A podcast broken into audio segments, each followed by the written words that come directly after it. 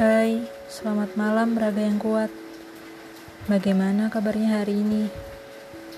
Apa semuanya baik? Ataukah kelabu? Atau berantakan? Atau malah biasa-biasa saja seperti mati rasa? Coba tanya sama hati kecilmu ya. Jawab dengan jujur.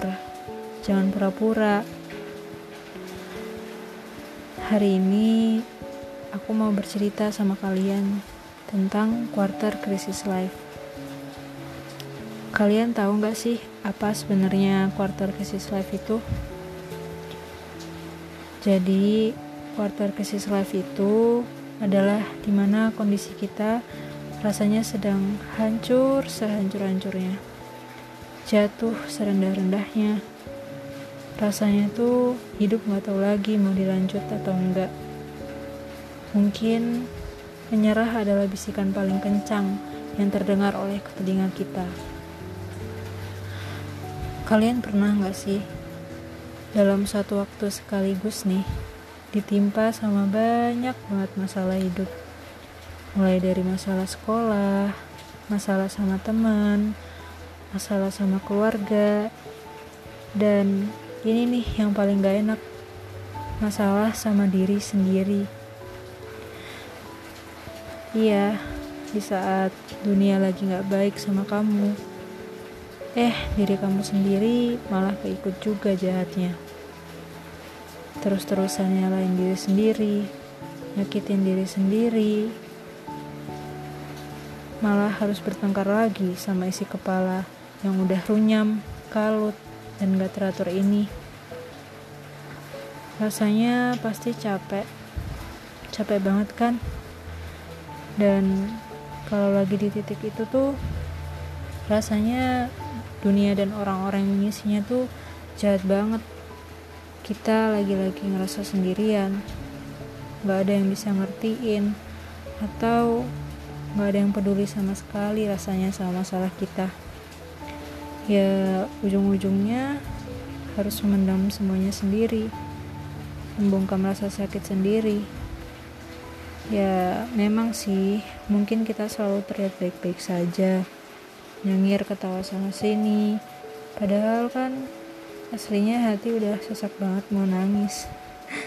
Mata udah penuh menampung airnya dan kepala udah kalut banget. Berantakan kayak mau meledak. Kayaknya kita udah terbiasa ya ditemani oleh kesendirian dipeluk oleh luka dan air mata, serta dibungkam oleh tawa yang palsu. Untuk kamu yang dalam fase ini, aku tahu ini sangat melelahkan. Aku tahu banget ini sangat menyakitkan. Mungkin kamu udah berkali-kali meyakinkan diri kamu bahwa keadaan akan tetap baik-baik saja. Meskipun Mungkin bersamaan dengan itu, kamu menangis, rapuh, kecewa, dan patah. Tapi di sisi lain, kamu harus tetap kuat. Kalau memang bukan untuk orang lain, setidaknya demi kebaikan diri kamu sendiri, kan? Tapi kamu tahu gak sih kenapa Tuhan ngasih ujian seberat ini ke kamu? Karena Tuhan tahu, Tuhan tahu kamu orang yang hebat. Kamu orang yang kuat dan bisa ngelewatin ini dengan baik. Coba deh lihat. Buktinya kamu masih bisa kan bertaka, bertahan sampai sekarang. Meskipun kamu banyak ngelewatin hal-hal yang gak enak. Jalanan penuh bebatuan. Ya, walaupun dengan tertati-tati sih dan banyak tangisnya tapi akhirnya selesai juga kan. Aku bangga banget deh sama kalian yang udah bisa berjalan sampai sejauh ini. Itu bukan pekerjaan yang mudah loh. Dan itu bukan pekerjaan orang-orang yang lemah. Jadi aku cuma mau berpesan sama kalian. Tetap semangat ya. Tetap bertahan Yakin masa mau nyerah udah sejauh ini? pelanginya udah nunggu kamu tuh di sana. Capek wajar tapi jangan pernah berhenti ya. Pelan-pelan aja nggak apa-apa. Kamu juga pasti bakal sampai kok. Kamu menjadi lebih baik dari hari kemarin aja itu sudah mengartikan kamu berproses walaupun sekecil apa pun itu ya tetap aja namanya proses. Oke okay?